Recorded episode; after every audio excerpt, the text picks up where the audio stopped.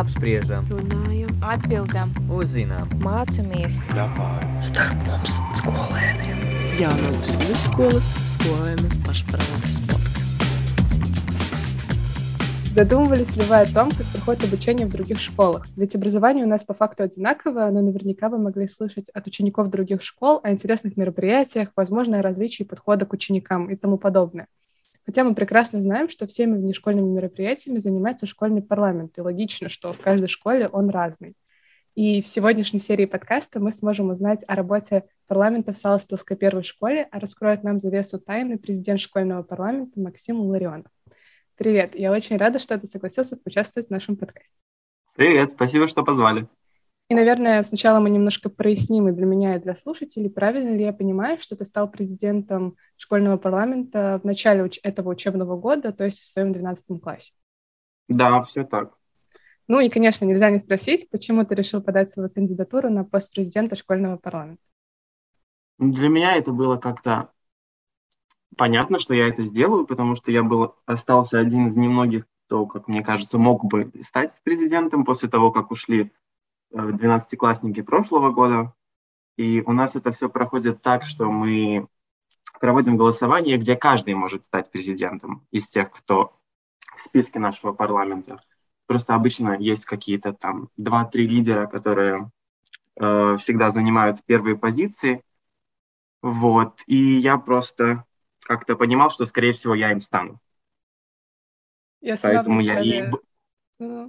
Да, поэтому я как бы больше писал, чтобы голосовали, как-то пытался к себе внимание привлечь еще с прошлого года, чтобы стать в этом году президентом. Ну да, я сама в начале учебного года была поглощена активно в работу парламента, вернее, в его зарождение, как он формировался, э, весь этот коллектив, э, проходили выборы, распределялись обязанности. Хотелось бы узнать, есть ли у нас отличия в этом. И, наверное, стоит начать с того, как проходили выборы в вашей школе, хотя ты вот уже начал про это немного говорить. И вот был ли у тебя прям такой соперник? У нас каждый год выборы проходят таким образом, что просто это список всех участников, и все внутри э, школьного парламента могут голосовать за того или иного участника э, парламента. Каждый год это проходит по одному и тому же принципу, да, поэтому мы не думали особо в этом году как-то его менять. А, какой был еще вопрос? А, был ли у тебя такой соперник под конец уже? Как мне кажется, нет. По крайней мере, я для, сам для себя не думал, что у меня есть соперники, потому что я очень хотел стать президентом, и как-то я даже не задумывался о том, что у меня это может не получиться. Поэтому как больше, э, большие соревнования были за место э, заместителя президента, как мне кажется, чем за президента. Но все-таки это такая небольшая победа, и какие были ощущения после того, как выбрали президента? Для меня это было, фух, слава богу, что я, потому что у меня были даже мысли, что, возможно, если я им не стану, то захочу ли я дальше продолжать, если станет кто-то другой. Потому что в начале года состав парламента был не такой, который я хотел, но сейчас, слава богу, он, он соответствует моим ожиданиям о парламенте.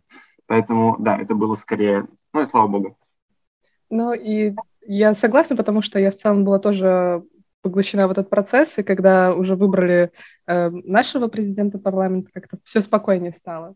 И я, наверное, для зрителей поясню, что даже если есть президент школьного парламента, это не значит, что все он один придумывает. А работаем мы и придумываем идеи не одни. Как правило, этим занимается небольшая команда учеников, которые хотят тоже участвовать в создании школьной жизни. И вот как раз-таки хотела спросить, как формировалась ваша команда парламента? Обычно мы просто в наш Инстаграм э, размещаем объявление о том, что мы набираем э, новых людей, и каждый желающий в школу может прийти э, на наше заседание, и все знают, что оно проходит в четверг, там в 3 часа 30 минут, и любой может прийти, э, прийти каждую неделю на заседание и попробовать, и потом уже для себя решить, хочет он остаться или нет. И тогда уже, если э, появляется такое желание остаться, то мы берем и уже сами смотрим, работает этот человек, э, не работает. Если все хорошо, оставляем. Если нет, тогда говорим, что не нравится.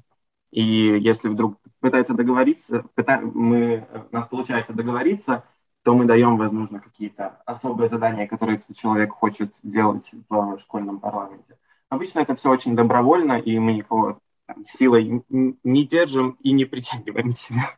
А с какого класса можно принимать у вас участие? У нас это начиная с седьмого класса.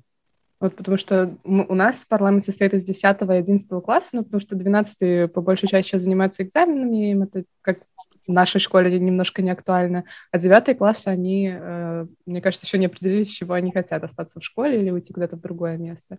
Вот, но как я поняла... Ну, у нас у вас... это тоже в основном это 10, 11, 12 класс. Но вот один человек у нас есть, семиклассник, мы им гордимся, что он пришел. А, а так каждый желающий, начиная с седьмого. У вас каждый год меняется парламент? А, каждый год может прийти э, человек новый. И каждый а. год еще и уходит 12 поэтому получается, что этот состав меняется постоянно. Ну, да. Вот, у нас, например, в школе есть такое понятие, как министры. Почему-то мне кажется, что они есть не во всех школах, школах, но, возможно, я заблуждаюсь. То есть у нас это небольшие группы людей, которые отвечают за определенные задания в парламенте, так нам проще и быстрее работать.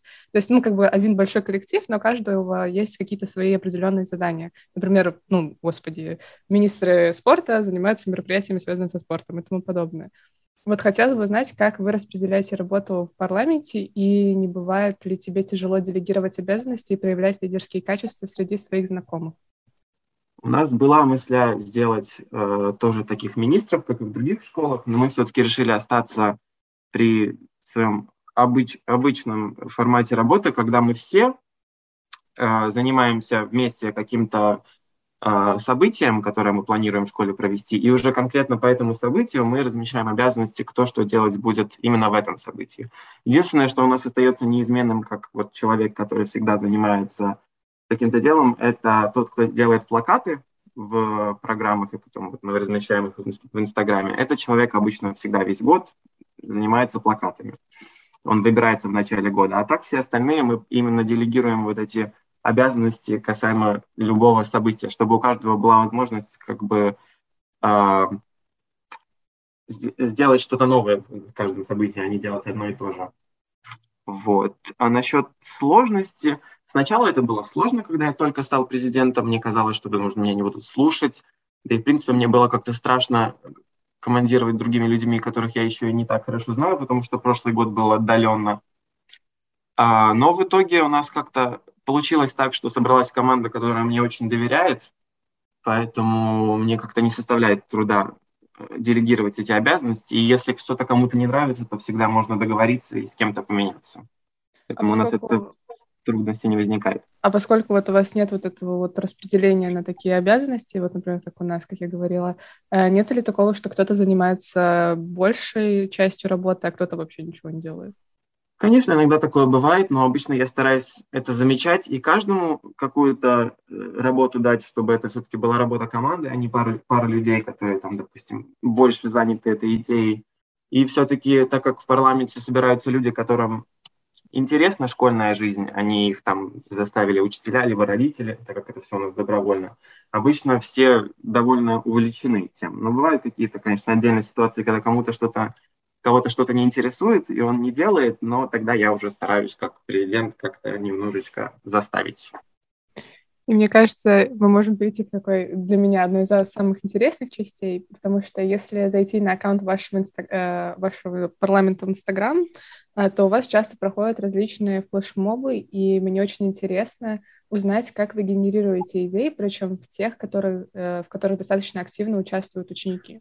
Ну, хочу сказать такую фразу «ТикТок всему голова», потому что очень много идей э, берутся из э, ТикТока, когда мы просто где-то в рекомендациях кто-то из нас увидел, мы скинули в нашу группу, увидели, что классная идея, о, давайте попробуем. Потому что очень многие ТикТоки из американских школ вот нам попадаются с флешмобами такими, которые мы уже делали, которые мы планируем еще сделать.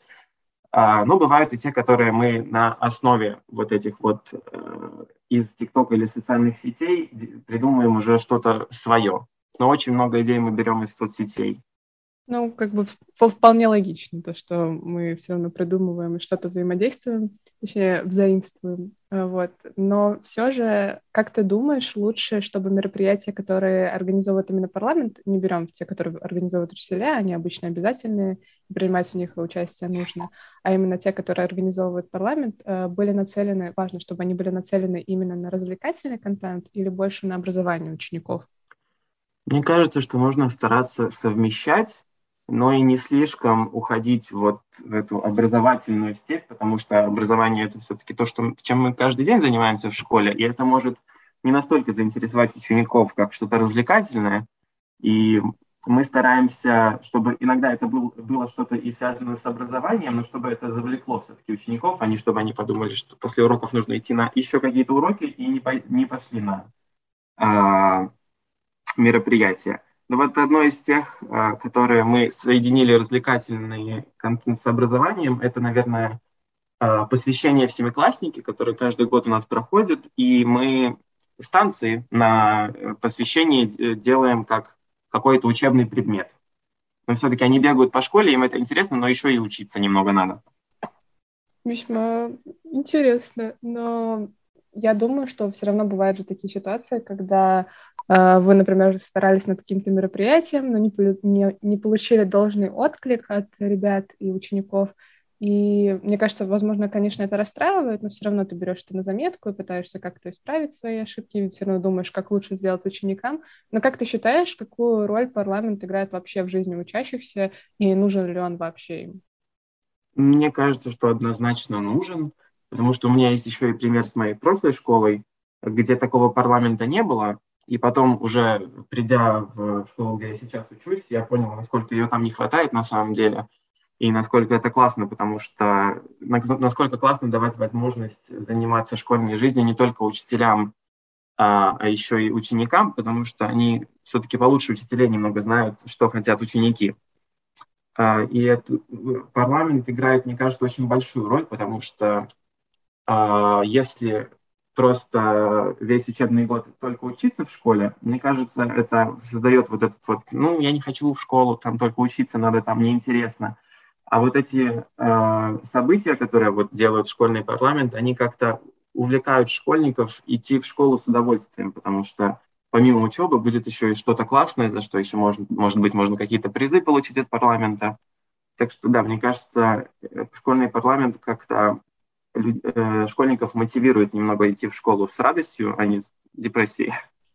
Мне вот э, сейчас захотелось узнать, было ли у вас мероприятие, которое вот вам а, было максимально, именно парламенту было максимально интересно организовывать? А, вот каждый год для парламента очень интересно посвящение, потому что, во-первых, мы себя чувствуем в роли таких немного учителей, и еще и э, показываем э, семиклассникам, которые только пришли в наш корпус, потому что у нас первый корпус ма- маленький, э, он предназначен для с первого по шестой класс, а наш корпус, который более современный, он с седьмого по двенадцатый. И мы им через это посвящение еще и показываем наш корпус, как он выглядит, где кабинеты, где какие-то лаборатории, где что-то интересное. И каждый год вот это очень увлекает, то, что ты можешь новым семиклассникам показать школу. И еще очень э, классное мероприятие в этом году у нас было на Новый год учителям, и это было посвящение в учителя, где школьники стали учителями для учителей, и учителя стали школьниками. Это было очень интересно как для учителей, и они пришли, кстати, практически все учителя школы так и для нас. И это было очень весело, что учителя вжились в роль школьников и спрашивали нас, можно, можно ли им выйти и так далее. Мне кажется, это очень круто, когда учителя тоже принимают участие в создании вот таких вот мероприятий, тоже активно участвуют.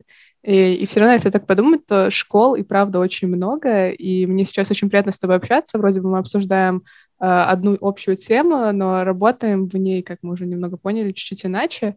И вот на мою память это вот такой, по, по крайней мере, пока работает этот парламент, это первый, первая такая работа с кем-то не из нашей школы. И задумывались как раз-таки вы о сотрудничестве с другими школами. У нас были мысли об этом, но мы как-то не придумали каких-либо идей на этот счет, как это сделать, чтобы действительно это было очень классно, и чтобы многие участвовали в этом и как заинтересовать другие школы. Ну и так как нам еще никто этого не предлагал, особо у нас таких событий не было, но мысли были. Мы просто пока не придумали, как это можно так реализовать, чтобы обе школы, э, чтобы ученики обоих школ э, участвовали в этом и всем понравилось. Потому что это, получается, работа в два раза больше. Еще и нужно сотрудничать с парламентом второй школы, прийти к общему знаменателю в, каком, в этом событии. Так ну, что да. Плане, но, да, возможно, я... в будущем, да. Ну да, в этом плане я согласна, но я очень надеюсь, что после того, как ты закончишь школу и кто-то возьмет твой пост президента школьного парламента, что у кого-нибудь э, получится посотрудничать с другими школами, потому что мне правда кажется, что это интересно очень. И если в целом так подытожить э, все тобой сказанное, очень бы хотелось узнать, э, с какими трудностями ты столкнулся лично и какой опыт ты получил за все время в парламенте. Трудности это, наверное, в том, что это моя такая первая лидерская позиция в жизни, где я вообще раскрыл в себе, что я могу быть лидером, а, а не только работать в команде. И вот, наверное, как я и говорил, что в начале года этот состав был не такой, который я хотел, и, возможно, люди, которые там были, не очень хотели, чтобы я был президентом. И были трудности с тем, чтобы показать, во-первых, им, что я достойный президент, и еще и как бы увлечь, увлечь их работой, чтобы они хотели со мной сработаться, потому что э, я же не могу вытянуть людей только потому, что они не, не нравятся. Они все-таки э, работают, и как бы тут личные отношения уходят на второй план. Главное, чтобы сотрудничество было. И, наверное, вот в этом были трудности, чтобы правильно понять, как э, работать с людьми, которые, возможно, тебе не настолько симпатичны. И насчет опыта, это вот наверное, опыт, который мне в жизни пригодится, если я попаду на какую-то руководящую должность или э, что-то тому подобное, потому что быть лидером нужно уметь, и это довольно сложно на самом деле. Но в целом ты доволен, что ты все равно занимаешь эту должность, правильно я понимаю, да? Да, я этого хотел, в принципе, как я пришел в 10 класс э, в парламент, я задумался о том, что я бы хотел стать, и я был довольно счастлив, когда я стал, и все-таки мне очень нравится. А у вас был момент, когда вы были на дистанционном обучении? Ну, то есть, и ты все равно был президентом парламента, у вас удавалось проводить какие-нибудь мероприятия онлайн? Ну, в основном на дистанционке мы были в прошлом году, когда я был в 11 классе, когда я президентом не был. А в этом году э, было две недели в этом году было, когда мы уходили на дистанционку. И мы через э, Teams, да, проводили заседание, но мне не скажу, что мне очень понравилось, потому что мне как-то больше нравится вживую общаться, и я не понимаю, кто меня слушает. Я почувствовал себя учителем на уроке, который включите микрофоны, включите камеры. Но, слава богу, это были только две недели, и потом мы вернулись в школу. Ну, с этим я полностью согласна. В жизни работать намного проще. В принципе, это все. Я была очень рада с тобой поболтать на тему парламента, и большое спасибо, что принял участие в нашем подкасте. А мне тоже было очень приятно. Спасибо. Школьный парламент – это уникальная структура, состоящая из молодых и креативных ребят, которые стараются для того, чтобы школьная жизнь учеников не ассоциировалась только со скучными уроками. Мы запускаем рубрику «Стартбум с Колоном Пашпарвалдом», в рамках которых мы узнаем, как работает парламент других школ. Подписывайтесь на нас в социальных сетях, чтобы не пропустить новые серии. А с вами была Яна Цветкова, и это подкаст «Стартбум с Колоном».